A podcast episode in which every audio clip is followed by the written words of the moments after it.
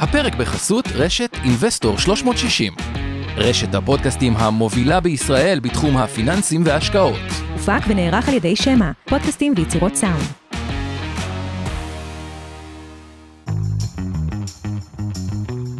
מעוניינים ללמוד יותר על עולם ההשקעות? האזינו לפודקאסטים נוספים שלנו.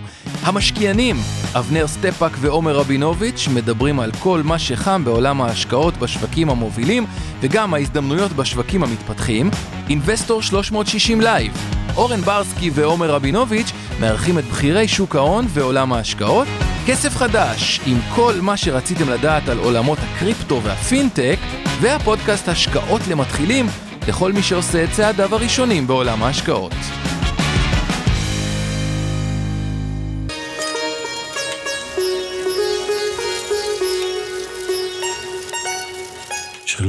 Hao. The Hebrew intro will be followed by an English one. אה, כאן יובל ויינרד מלהבין את סין, הערוץ שלכם לכל מה שצריך לדעת על המעצמה שתעצב את המאה ה-21. אה, כמו שכבר הבנתם, פרק היום יהיה פרק באנגלית, עם אורחת מאוד מיוחדת. אני אציין רק קודם שלהבין את סין הוא חלק מרשת הפודקאסטים של אינבסטור 360, הרשת המובילה בישראל לתחום הפיננסים וההשקעות. והפרק היום, שהוא הפרק ה-22 של הפודקאסט, אה, הוא באמת פרק מיוחד, כי אנחנו מארחים בו את קנדרה שייפר, שהיא אחד האנשים והאנשים המוצלחים ביותר בעיניי בכל מה שקשור לידע ואנליזה של מגזר טכנולוגיה בסין.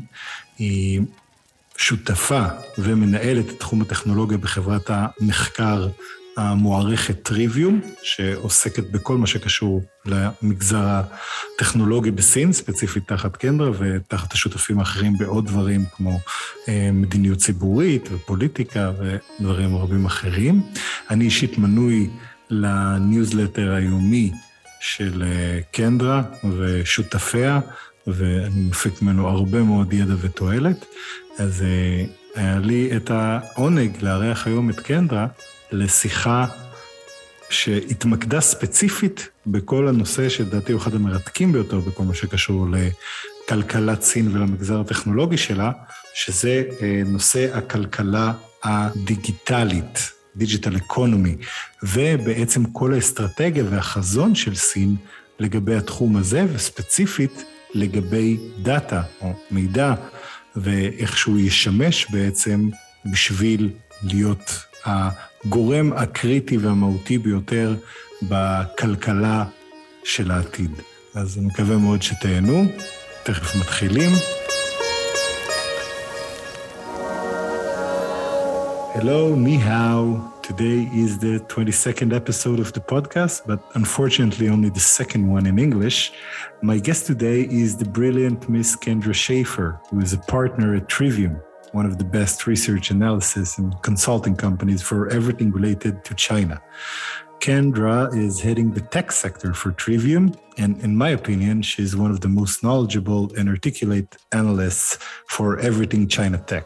Today, I had the privilege of hosting Kendra on the pod for a conversation about China's vision and strategy for its digital economy as a whole, and specifically for data is the key new factor of production that will power it.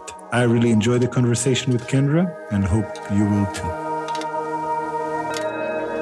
Kendra, what, what brought you into the Chinese tech landscape in general? Well, you know, it was actually all a big accident. Um, I, got, I was uh, I went to China in 2002 to go to school for uh, for Chinese, and you I learned always, Mandarin back in, in the U.S. or you came specifically for that?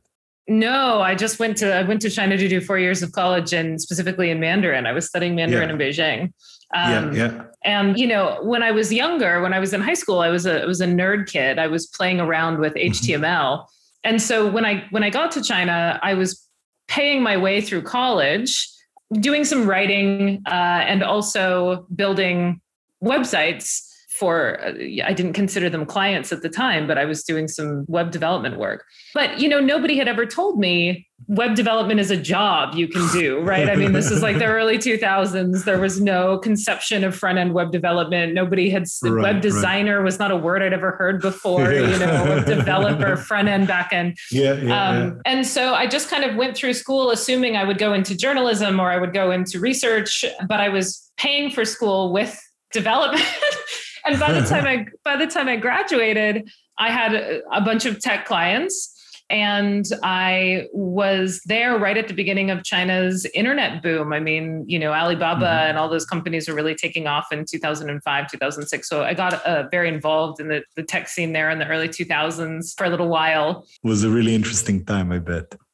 It was fascinating. I mean, I was there when the firewall came down in you know yeah. like 2011 and 2014 and it was there before that and it was just a really fascinating we watched the whole ADSL you know, I was there when ADSL yeah, was the yeah, fastest yeah, internet in the country, and now it's gigabit fiber. You know, it was all this kind of really interesting transformation. Um, but I very slowly got into policy through a, a, very tech policy through a weird series of transformations. I went from doing doing web development to doing uh, UX research to doing you know policy research, and that was just a kind of step by step, client okay. by client, career move by career move change. Yeah. So it was kind of all all accidental. Wow, amazing, amazing, yeah. and it's funny, you know, because uh, I think uh, UX design for the Chinese audience is worth an episode of its own, right? I mean, that's absolutely such, a, such an amazing parallel universe. Absolutely, completely. It's funny. So many of the big tech companies you know uber definitely linkedin def, de- not so much airbnb but you know you really have to design a completely different interface for china. You can't take your your model from that has worked in every other market and translate it to the Chinese space. The the user experience yeah. expectations are totally different. Yeah. I think that the most uh, famous case is probably Google versus Baidu, right? Where you all that I, I heard all these stories, you know, about like the guys in China not understanding why whenever they click on a result, it just goes to that page. Like open me a new tab. What are you doing? exactly. And that comes from, I mean, I don't know if, if you know that, but that comes from, I remember this. In the early 2000s, the internet was so slow in most of China that if you wanted to read your email, you would open everything you wanted to read on 20 tabs and then go get lunch.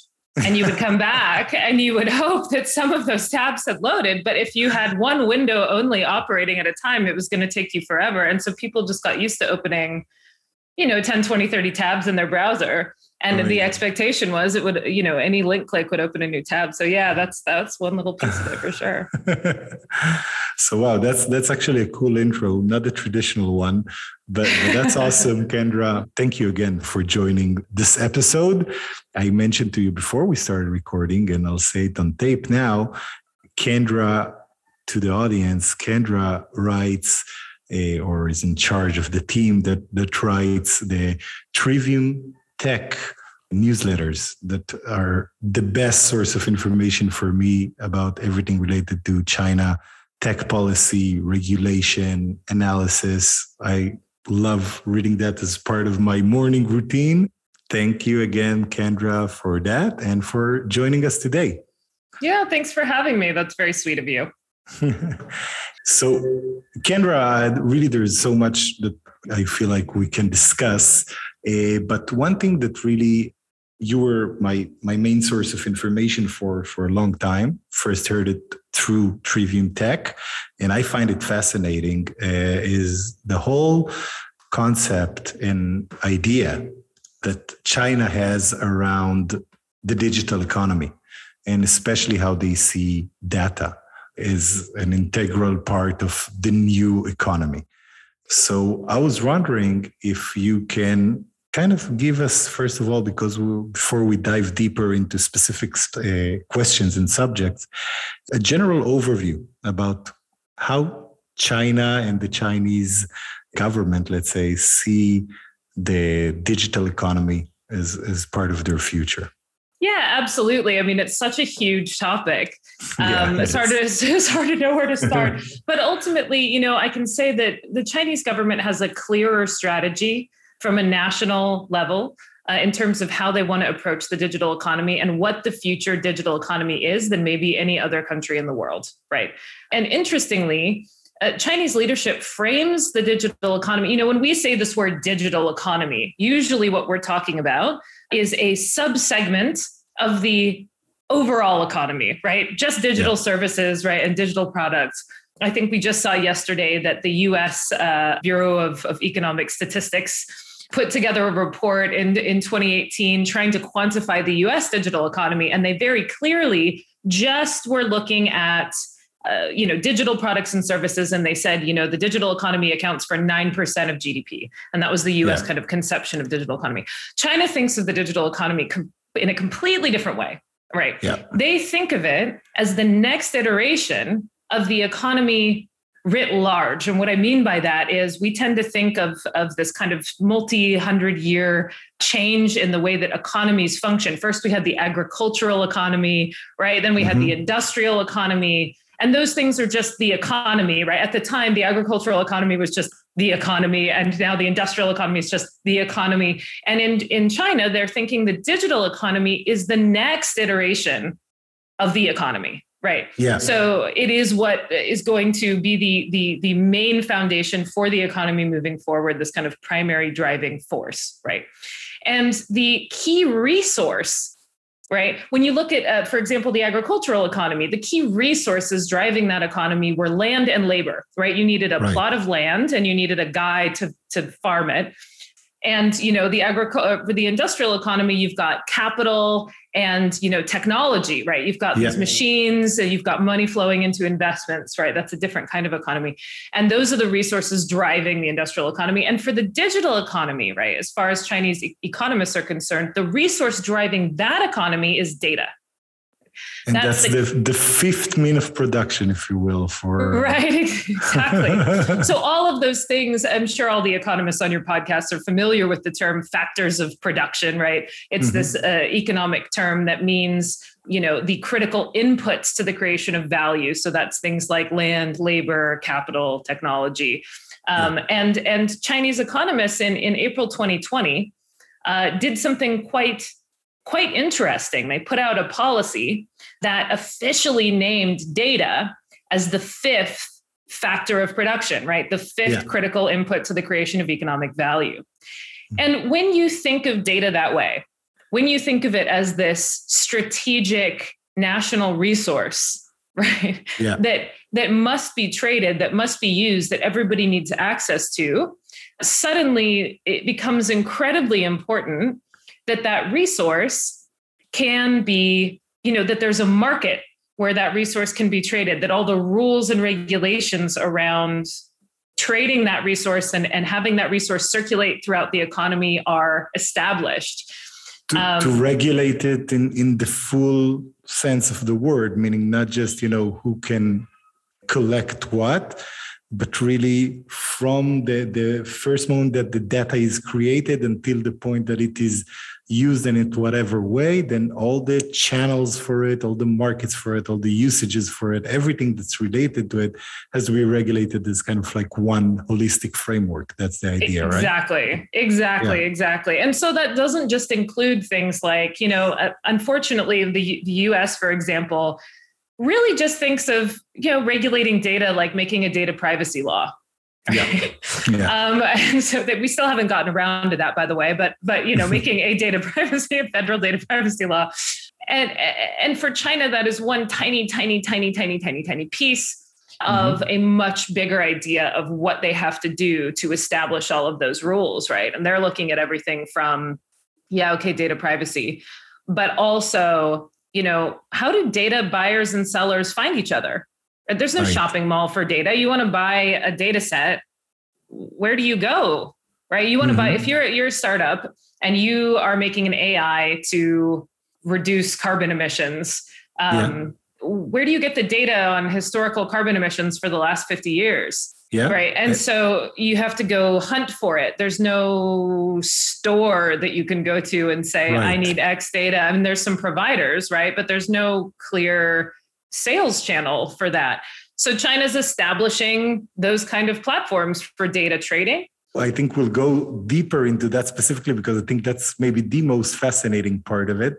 But even okay. if if we if we look into it in you know not in the specific uh, application of really data markets, let's say, or mm. data exchanges, if we look at the at the strategic plans of China as a whole, things like China 2025 or China 2035 or AI 2030 or all these big long term plans, when you think about it, it's all revolving around the idea of information, digitalization, and lots of data, right? I mean, it's kind Absolutely. of like incorporated into the general economic plan of the of, of China, as you said, on all aspects. Do you see that as something that was born really when they kind of officially categorized it as the fifth factor of production? Or is it something that was planted earlier on? And wondering, you know, I know it's a it's a it's a hard question because a lot of the things that are before they come out to official plans, it's all going out, you know, in, behind closed doors. So it's it's probably hard to say, but uh, from your your experience and knowledge. So, uh, that kind of policy, I, I, tend to find Chinese policy is like archaeology in the sense mm-hmm. that when you think you found the earliest ever policy that says X, you yeah. will find another one from five years before that also says X. There's always some of these policy conversations, you know, have been going on for so long in some capacity. And really, it's usually not that a brand new idea suddenly explodes into the Chinese policy space. What happens is, mm-hmm. as you know, this, these ideas percolate over decades, and suddenly either external or domestic factors will make one particular issue of paramount importance. Everyone will think about it again, and mm-hmm. then that idea will evolve. So, to answer your question specifically, yes, the 2020 uh, state council policy that named data as a factor of production was a huge milestone in solidifying the thinking that data is a strategic economic resource. But that idea has been around for 20 years. I actually found at least the earliest policy I ever found that mentioned something like that was from 2004, which wow. just blew my mind. And at the time, they weren't talking about data, they were using the word information. I don't know yeah. if you remember, you remember, you know, we were all, but somebody in 2004 policy said information is a factor of production. And I went, oh God, somebody's really? been saying this. Yeah. That's amazing because back then, you know, you think about it, there was almost no digital right. life in China, you know, and it's, right. it's, that's really forward forward uh, thinking actually when you think about it but really it, it, it got a boost i guess in the last uh, maybe five or six years and, and especially as you mentioned since 2020 and if we put it into specific regulation framework then you covered very well in a lot of your writings the all the new data laws in china mm. uh, which are kind of divided into a few main categories i think we can say or main uh, main laws uh, can you walk us down through these laws real quick Sure. Well, so there's. Or it um, can be real quick, maybe. But yeah, no, I'll try. I'll try. Yeah. I'll try. yeah. Um, so the three, the there's three big ones. All right, those are the mm-hmm. three big top line laws that are considered the trifecta of China's data governance regime. And then there's, which I'll talk about in a second. And then there's a whole bunch of other supplementary regulations for uh, mm-hmm. the use of data, which we can also briefly cover. But the three big laws are the cybersecurity law, which came out in 2017. That's the, uh, one of the earliest ones. And the cybersecurity law basically to be very reductive, covers networks. Are your networks secure? Is your equipment secure? Right? Yeah. Is your equipment set up the right way? Are you using the right kind of, um, you know, do you have uh, uh, your essentially internal networks? Are they secured? And then the data security law mm-hmm. is the second one. Uh, and that one came out last year. And it essentially looks at protecting data from a national security perspective. So how to you know ensure that data that is relevant to national security or particularly sensitive to the nation is secured right yeah then you have the personal information protection law which is, as you might guess from the name, specifically Mm-hmm. targeted at uh, protecting the personal information of citizens. Um, and that's a little Mhm. bit like uh, Europe's GDPR. GDPR, right. Yeah. Yeah. So those are the three big ones. That one also came out last year. So now is this incredibly critical juncture for Chinese data policy because now they've got the three big foundational laws governing how companies can use data in place Mhm. but the the supp- you know they haven't really a little bit but they haven't really started enforcing those laws yet there's a lot of open questions about you know how those laws are going to be enforced what are the you know procedures what's the exact procedure uh, in terms of getting compliant where exactly can you keep your data so for example there's a lot of questions about data anonymization open still Mhm. for example, you know, you have to keep sensitive personal information. Well, to a certain degree, you have to keep sensitive personal information inside of China. So if you've got the personal information of Chinese citizens and it is uh, particular types of information like genetic data, you can't be Mhm. exporting that, right? But that, of course, causes problems for companies doing clinical trials or drug, uh, you know, right. medical imaging testing. And so the question then becomes well, the law says if the data is anonymized, it doesn't count. But there's a global conversation around what is anonymization. And how can Right. you anonymize in the end, you know, genetics, right? I mean, it's by definition tied to a person. right.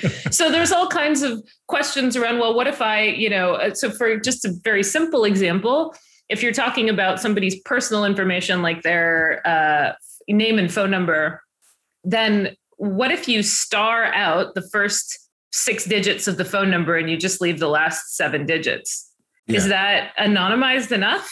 Right. Yeah, and yeah, yeah. so Where do you draw the line? Right. Where do you draw the line? And so Mhm. all of those kind of that's just one of hundreds of questions that are still open about uh, uh, you know exactly how those laws are going to be implemented. But those are the three big ones. And China is just at the beginning of starting to enforce those rules. So tech companies over there, uh, you know, are in for a pretty exciting few years. yeah, that's that's a nice way to put it. I mean, you, just I just read, by the way, from also what you wrote about the the Didi investigation that was finally done, and kind of you know they got a pretty pretty big, the although expected, let's say, fine, but uh, like you wrote, I think that you know what was clear is that they're not really giving you the full disclosure of information about what really is the reason. And that maybe ties into to some of these laws that you mentioned also because national security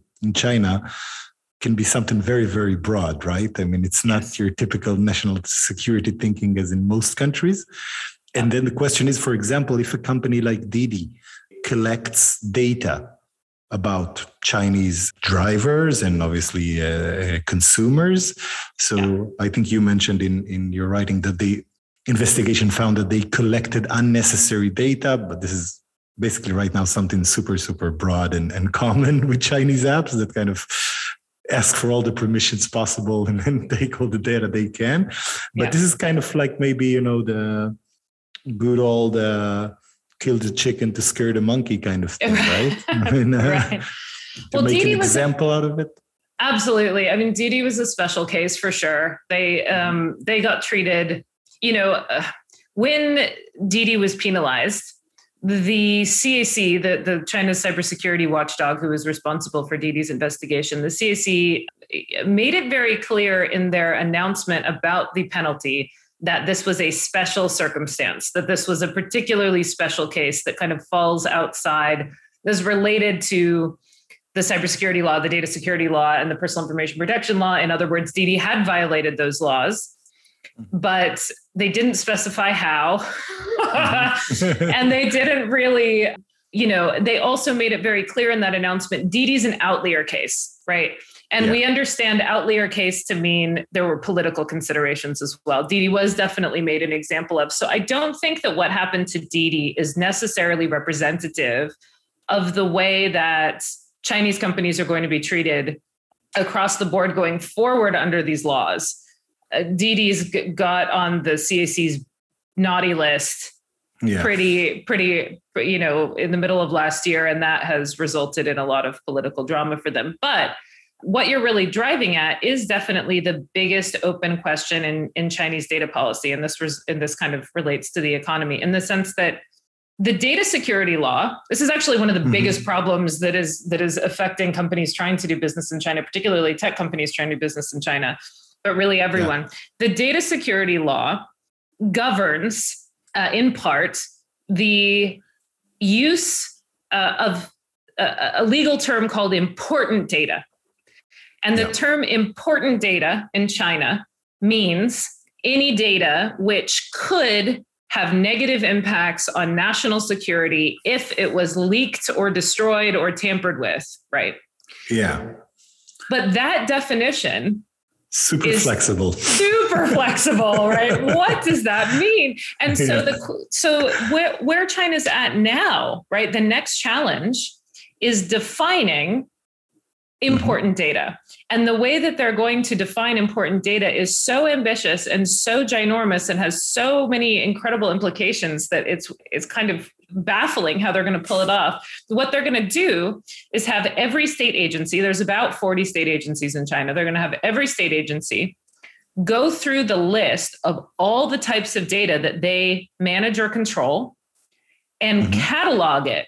Is this kind of data important? Is that kind of data important? Is this kind of data important? And so, one of the big pushes over the next two to five years will be having state agencies release these catalogs of important data so that they know you know whether or not a certain kind of data can be exported you know whether or not a certain kind of data can be handled this way or that way or stored this way or that way when you think about the number of types of data out there it's just It's an insane task. it's an insane task Yeah. it's an insane task but it's also not, not to mention, by the way, just just to say, Yeah. sorry for stopping you, but I think about what's the incentive of a state agency like this to say about anything that might slightly be considered important in some case to say that it's not important, right? Like, I mean, most probably to stay safe, it would result in overestimation of the information that's classified as important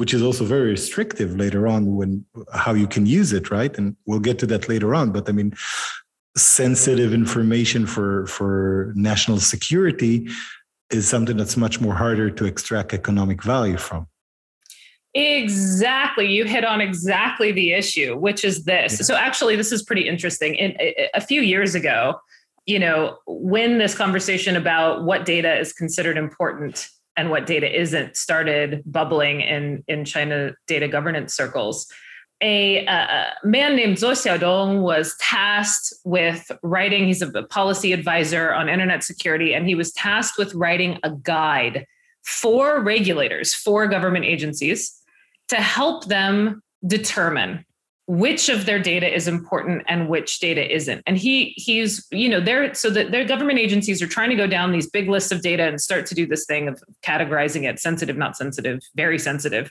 And uh uh, you know so of course they were struggling to do it. It's a little maybe easier for agencies that are already technical bodies like um, miit for example is a communications regulator. They understand data Yeah. they understand communication. It, they can probably do that a little bit easier. But what about the ministry of ecology and environment. I mean it's a bunch of geologists right? Yeah, yeah, yeah. so they don't know. And like what about the state postal service? Like they don't know. And so so he wrote this he wrote this guide to try to help them figure it out. And we read the guide. And it was it was funny because he starts out saying listen guys don't overclassify. Data as important we don't want you you know we want data to be traded. We want to have data open to support the data economy. We want to make sure that data trading isn't too restricted. So please don't don't sit down and try to cover your butt by you know yeah. over classifying data is important. And then he says. Now let me give you some examples of things that could be considered important data. And he lists every data type in the universe. I mean it was this unbelievably long list right? And i just started laughing and i thought this is an impossible this is impossible. Uh, I don't envy the Chinese, you know, like mid-level No, that have right. to actually classify this. right right. So it's a struggle for them and it's going to be you know it is un so so here's the here's the crux of the problem. We now have effective laws in china which say what you can and can't do with important data and we Yeah. don't know what important data is. And so yeah it's a, it's a problem right? And so so this is going to be a multi-year and potentially it'll be a decade before they know whether or not this way of governing data works or not but Yeah.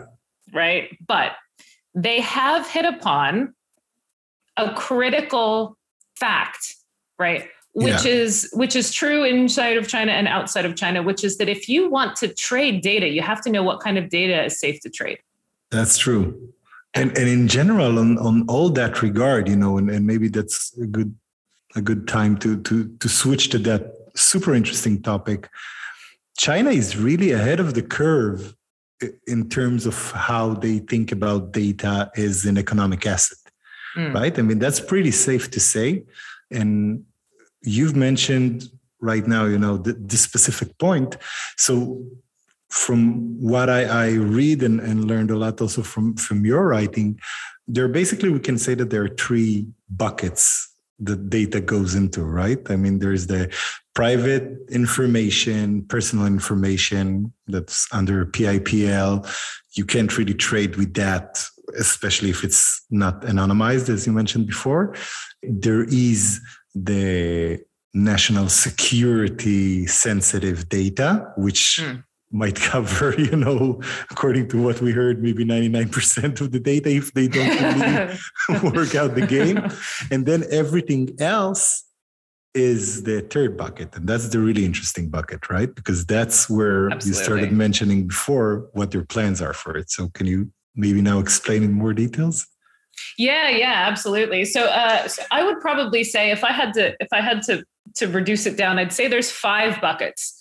Bucket Okay. number one is general data. So that's the that's the interesting bucket you just mentioned, right? Data that's not protected under the law because it is not sensitive in any way, right? The the, Yeah. the law has decided you can do whatever you know, you can trade this. Go nuts. Yeah. Um, just maybe you know just it would help just for an example right so that would be let's say the tea purchasing preferences of consumers on taobao whatever right okay Perfect. Perfect. Yeah, sure. Yeah. um, anonymized, the anonymized pers- purchasing preferences of, of Yeah, yeah, yeah, consumers right. on. Uh, Exactly. But yeah, absolutely, you could trade that. Or meteorological data, for example, right? I mean, okay weather patterns, right? Everybody can gather that and track it, and it's not a big secret, and you know, which might be relevant to climate stuff. Uh, Yeah. And so then you have two buckets under the national security data, national data related to national security. One is important data, which is, like I said, general data relevant to national security. And there's a there's a stricter level above that, which is called national core data. That's state Mhm. secrets. That's like where the missile Yeah, yeah, silos yeah. are. You know, yeah geographic information about military sites is yeah very that's sensitive. obviously yeah yeah so that's not on the same it's not in the same bucket as important data important data would be things like well we don't know but we do i can give you one example important data would be things like maybe charging stations you know where the charging stations are data about electrical charging for smart cars in china so that has something to do with the electrical grid it has something Yeah. to do with infrastructure and so- Infrastructure, since- right. yeah that's a little bit And- but- sensitive But, you know what? Uh, even uh, I spoke in one of the episodes here with a Chinese professor, Professor Gong Jiong, that used to Hmm. be also advising to the uh, antitrust committee and to all Oh. different kind of committees. Yeah, and uh, one of the things that he said is that, for example, if you look at the shopping, all the shopping data that uh, Alibaba holds as a whole, right? He says that is a strategic national security sensitive data because that means where all the um, all the all the goods are being shipped to and from and where and you start to understand you like like where all the key important places in China are for manufacturing specific things and for handling specific things and what what you know or is being sold where and by who and all that and he said that is considered a, a, sensitive asset as well.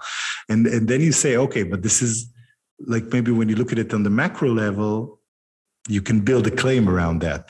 But again, like like you mentioned before, also with that, where do you draw the line, right? Exactly. I mean, well, here's and, the, I mean, if you want to go down that rabbit hole, here's the confusing part about that. So, yeah, all of Alibaba's data is probably sensitive taken as a whole. Yeah. So is if that's the case, then every major Chinese tech platform's data is sensitive to a certain extent, right? If you look at, for right. example, a jobs platform, now you have the HR data of every Chinese yeah, person who's exactly. on the platform. If you look at something like Didi, you have the transportation data and movements exactly. of everybody who uses the platform.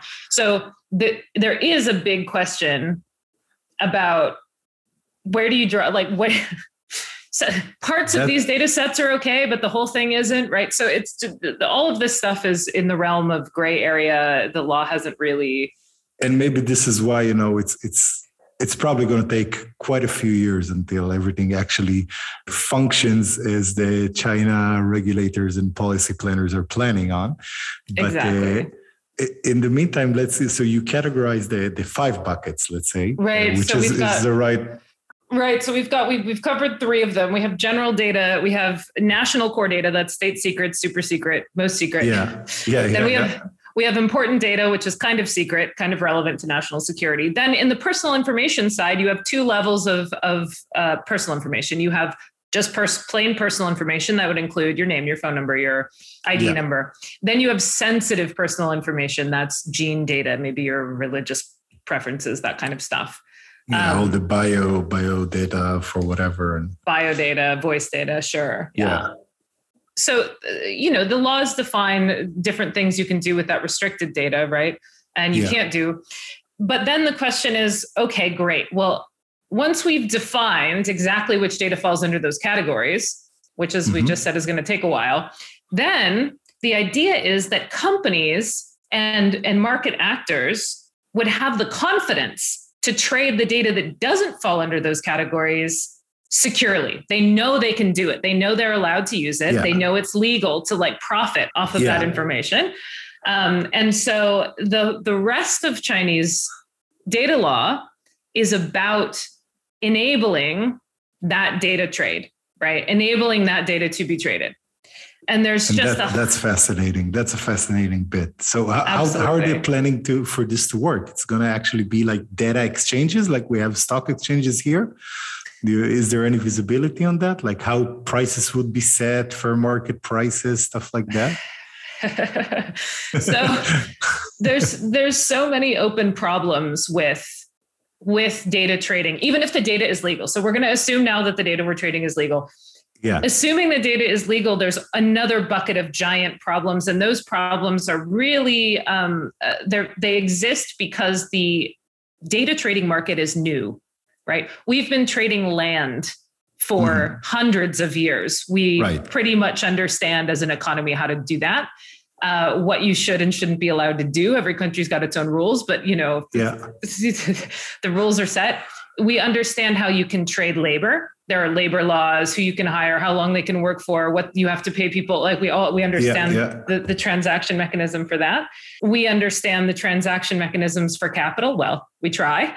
Um, yeah. and uh, but we we don't we haven't been trading data that long, and so these fundamental pieces of the market, the fundamental you know ways that the market works, are. Uh, undecided An experiment stage an basically. experimental stage right and yeah. so that includes things like number one uh, as we talked about where do you buy it where's the where's the mall if you yeah. want to buy land there are real estate websites you can go do that on there so you can instantly if i said if you wanted to go buy land you know where would yeah. you go and you could think of 50 things right away at right. places you could go to purchase this or sell your land if you wanted to get you know that mechanism exists yeah. um, if you wanted to hire somebody Easy, mm-hmm. easy peasy, right? Yeah.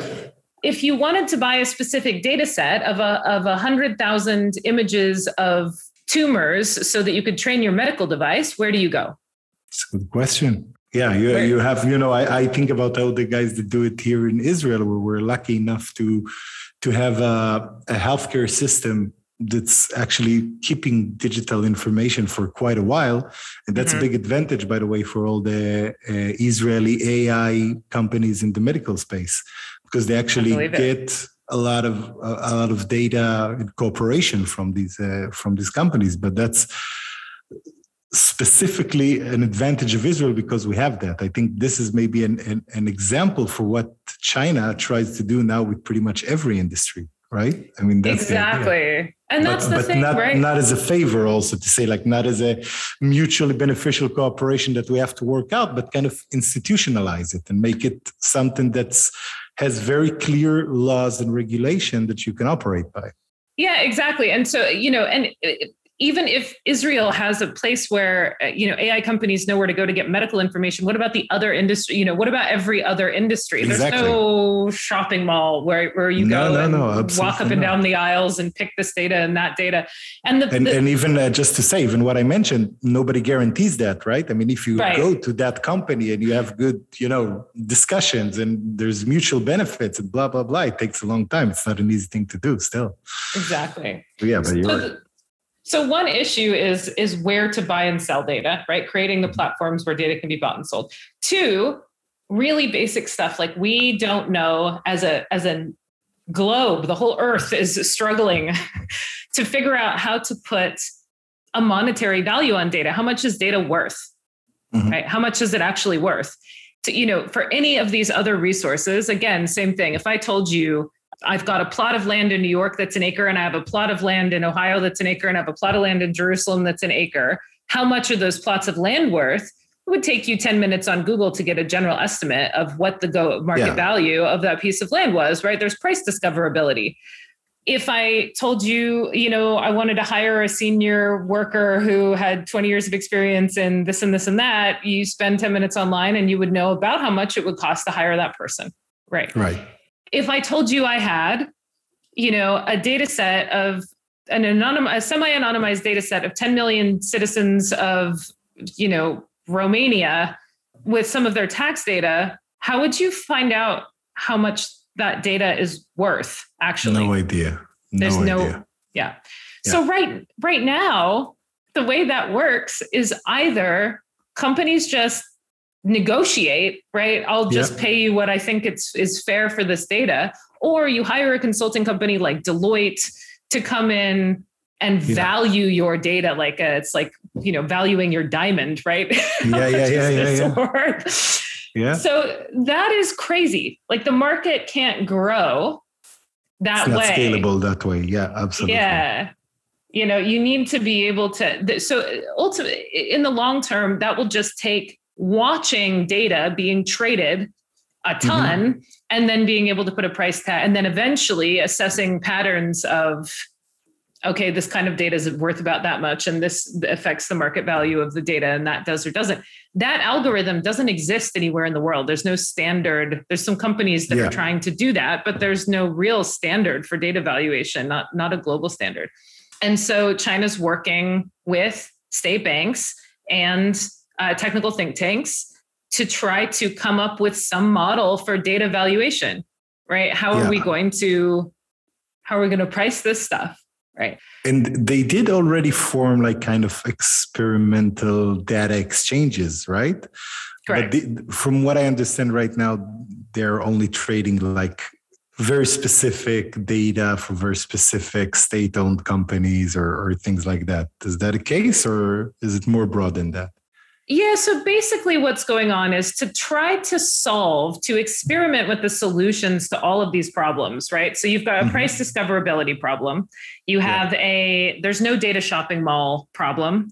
Right. You've got a um, you've also got problems like a lot of people who are buying and selling data don't actually know if the data they're especially data buyers, you don't know if it was legally collected.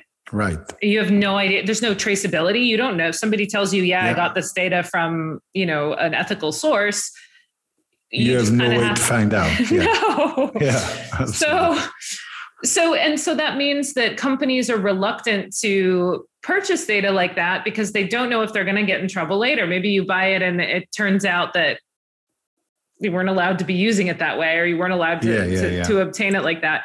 And so, um, what China has done is they've established uh, several, one in particular, uh, experimental data trading platforms that are managed and backed by the state. Mm-hmm. And what that basically means is, and they're only allowing, as you said, a few companies to participate in them. Most of them are SOEs. There's some uh, state owned enterprises, there's some private companies involved, right? Mm-hmm. But basically, the idea is all right, we as the government will stand in the middle here and we will facilitate the trade of data sets from one big company to another big company. And because the state is involved, the buyer knows, right, that this is a legal trade, right? Yeah, they have yeah. now obtained legal data that was legally that was legally sourced. And yeah the platform as the platform grows the idea is that this becomes a, a, a data shopping mall where you need certain kinds yeah. of data you can come to this place and it also allows the state to look at the the sales price of a lot of these data trades and say oh, okay we can start to maybe make some kind of determinations about valuation supply and demand and how yeah. scarce a certain data is how valuable it is how much exactly. people are willing to pay yeah, that's and, super interesting.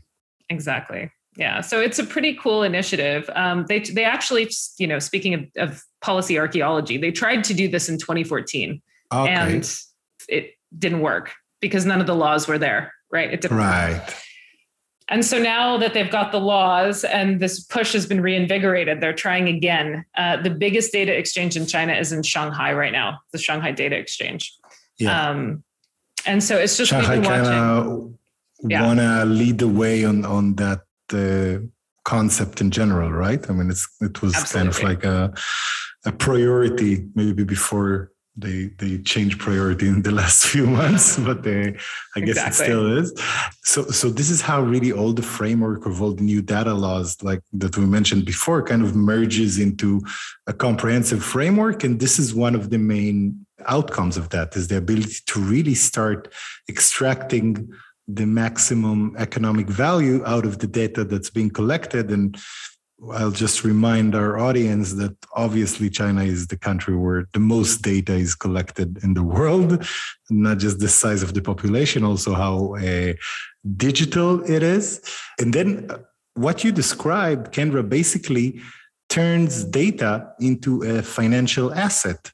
So, yes. in a way, that's very interesting also in, when you think about how companies i mean there's a lot of interesting uh, you know angles to think about here but one thing that i'm thinking about everybody's talking all around the world not just in china right about how big tech has a monopoly on data right mm. and in a mm-hmm. way that kind of solves at least part of that when they say okay the data that you're collecting it's yours you can gain from it, you can extract economic value from it, you get the benefit of that, but it's not exclusive to you. If it yeah. falls into the general data information, you have to legally make it available for other companies that want to use it to train their AI algorithms or make better business decision or improve their capabilities.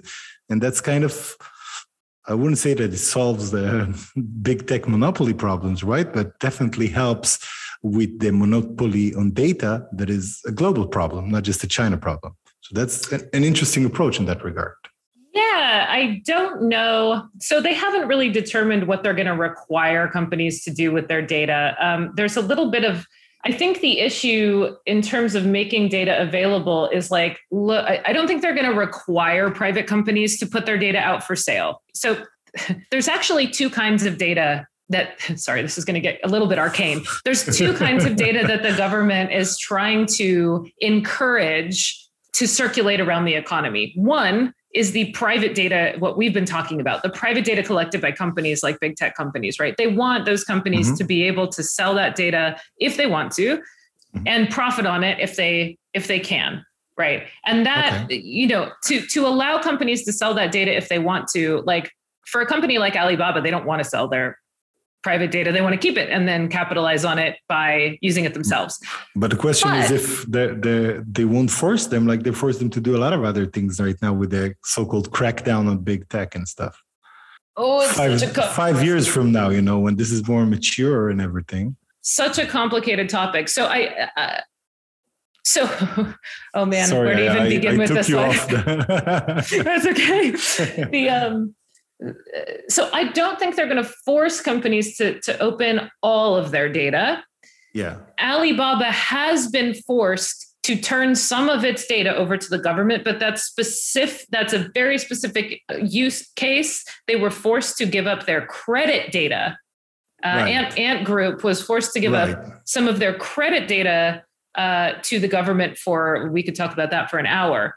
Yeah. But in terms of the data they collect for their own purposes, I don't think a company like Ali would necessarily be forced to buy or sell their data. What the issue is for Mhm. private companies and and data circulation is that let's say you are a device manufacturer, you make sensors, right? And those sensors collect information about, I don't know, heat in server rooms, okay? yeah, yeah. And you also, as part of your sales model, Mhm. you uh, have a platform where let's say i'm a data center and i buy your sensors and i install them and i use your online platform to monitor hosted Mhm. by you to monitor my the heat in my server room. Okay. Yeah, now so the company that company is making money right now selling the equipment and selling access to their web platform. That is their sales model right yeah, yeah. but they are collecting an insane amount of data on heat in server rooms, Right. right? And they may be able to take that data set and make more Uh-huh. money off of it than they actually make, right? Just selling their sensors Yeah. or selling access to their platform. But how do they do that? So there are, are a bajillion companies out there that have data, but don't that's not their primary business model. It's like this other thing that they happen to generate, right? Yeah, yeah, yeah, And there's- yeah. There's no outlet for them, and they're, you know, they're not Ali. They're not necessarily. So sure, they could keep that data, and maybe they could do something with it. But maybe it would be better if they went to this data exchange and was like, "Yeah, I've got this big data Yeah. set. It's ours. It's anonymized. It's legal. Why don't we?" It's a great Solid. point, you know, because so many startups, especially in the in the last few years, several years, they were like, okay, we're doing this and this and that, and you know, we're collecting all this data, Right. which they had no idea how they're going to actually monetize. Exactly. But yeah, we're collecting all this data. Uh, and now this gives them an opportunity, a clear path to monetization in Yeah. a very transparent and, and easy, streamlined way. So that's definitely interesting. I, I I was always thinking of this, you know, maybe it's because you know it came through the same time that all the so-called crackdown on big tech and so on happened and kind of collided in terms of time. But I was always seeing this as something that also deals with, you know, the monopoly on data. Because in the end, you know, if you think about antitrust in China, which is, you know, getting much more teeth, I think you wrote that, you know, SAMR is now like getting, I can't remember, like triple their, their employee or the, the main uh, market regulation uh, um, agency. So Yeah. if, if you think about that, in the end, data, if a certain company Yes. will have more uh, a monopoly on certain type of data, Yeah. it feels to me very natural that the, that maybe down the road they don't declare it now, but that they would want to make sure that this is not something that's stopping the next little Absolutely. startup from competing with them. Yeah, that is definitely, you know, I think that's definitely a possibility that some, I think some data, if it is determined that that data ends up being uh, the source of, of monopolistic practices, could, they could, you know, require that data to be shared or I, I don't know if they'd require it to be opened. Um, and I think Yeah. the approach would probably be different depending on the data type. But uh, yeah, for sure. I mean, there's a lot of open questions about how China is going to deal with data monopolies, as you say, right? What what's going to happen? uh, You Mhm. know, Alibaba's credit data is really the critical was actually the critical uh, issue in data Yeah. monopolies here. Um, right. and it was the fact that you know China. I don't, I don't know if you guys use this, but nobody uses credit cards in China. Yeah. Nobody uses credit cards. They use fintech we- platforms. Right, Right. right, right, Obviously. That, Yeah. That's uh, been covered a lot here in the. in the Okay.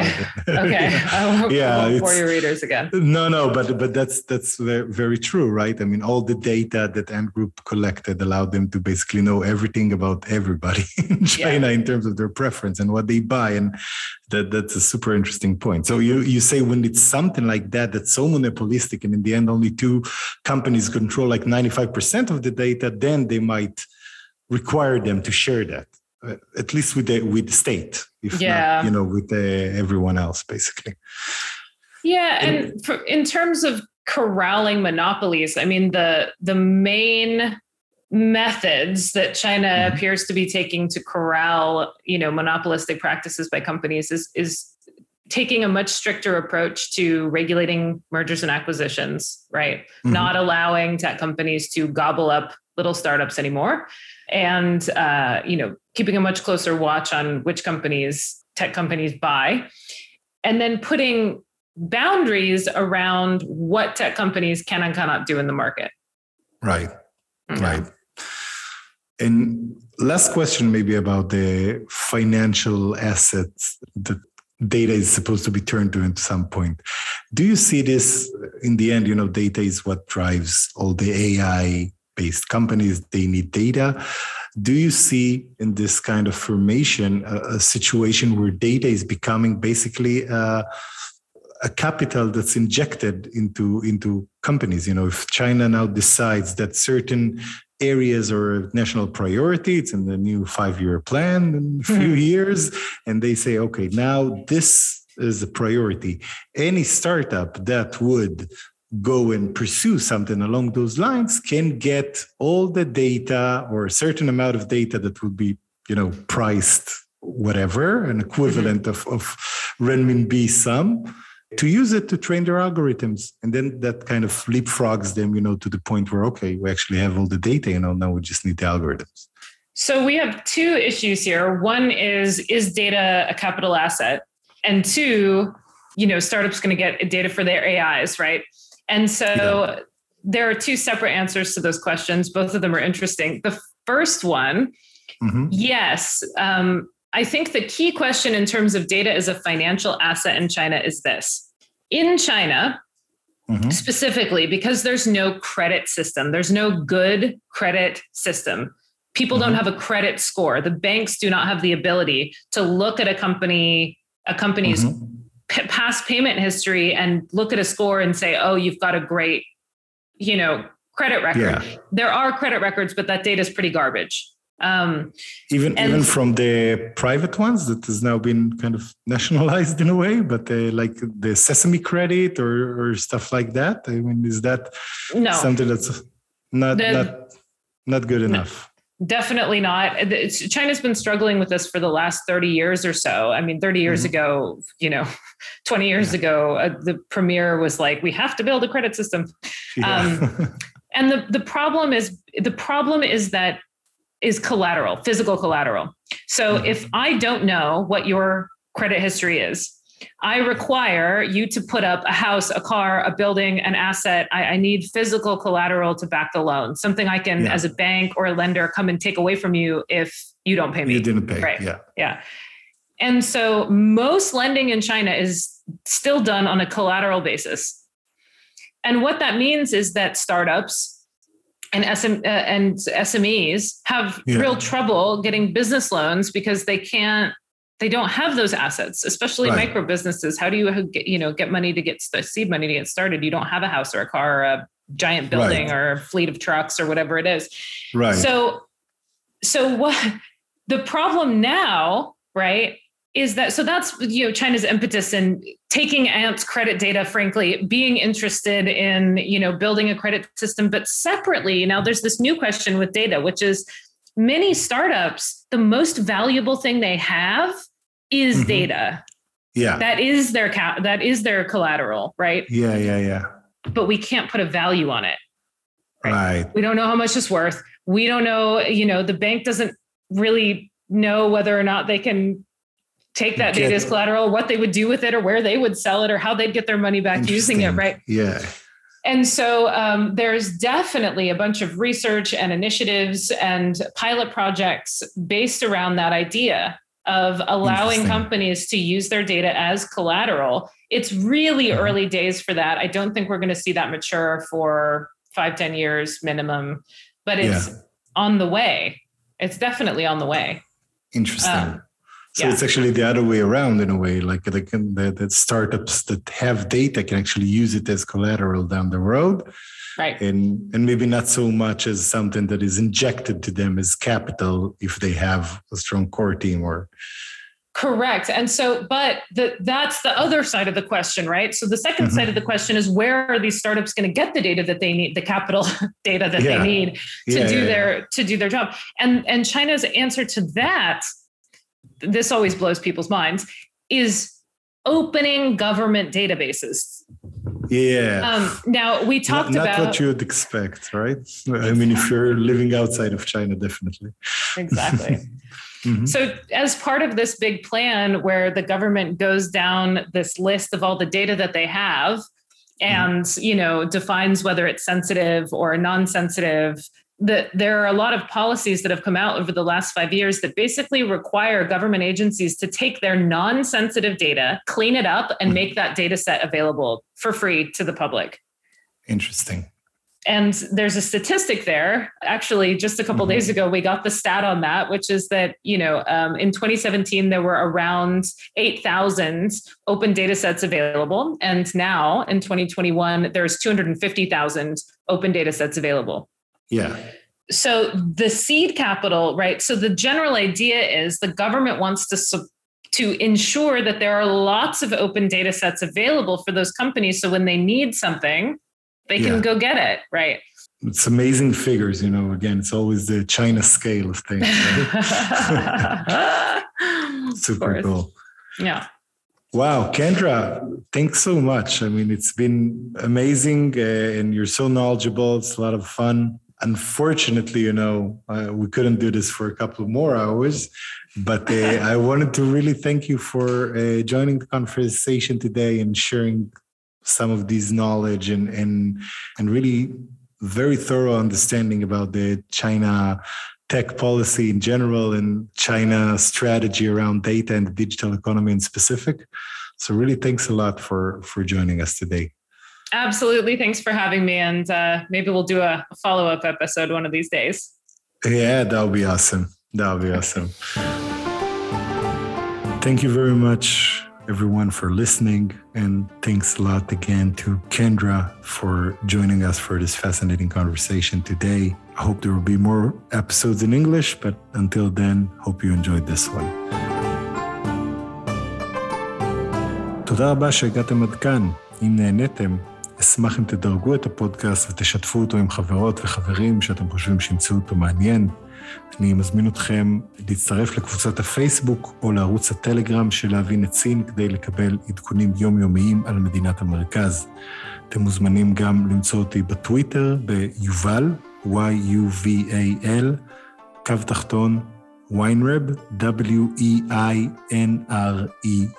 אם אתם רוצים להאזין לפודקאסטים נוספים בנושאי פיננסים והשקעות, אני מזמין אתכם להאזין לפודקאסטים של רשת אינבסטור 360. אני יובל ויינרב, תודה רבה לקנדרה שייפר הנהדרת שהתארחה כאן היום בזום, ותודה רבה לשם הפודקאסטים ויצירות סאונד על ההפקה, וכמובן, תודה רבה לכם על ההאזנה. עד הפעם הבאה, צייצ'יאן.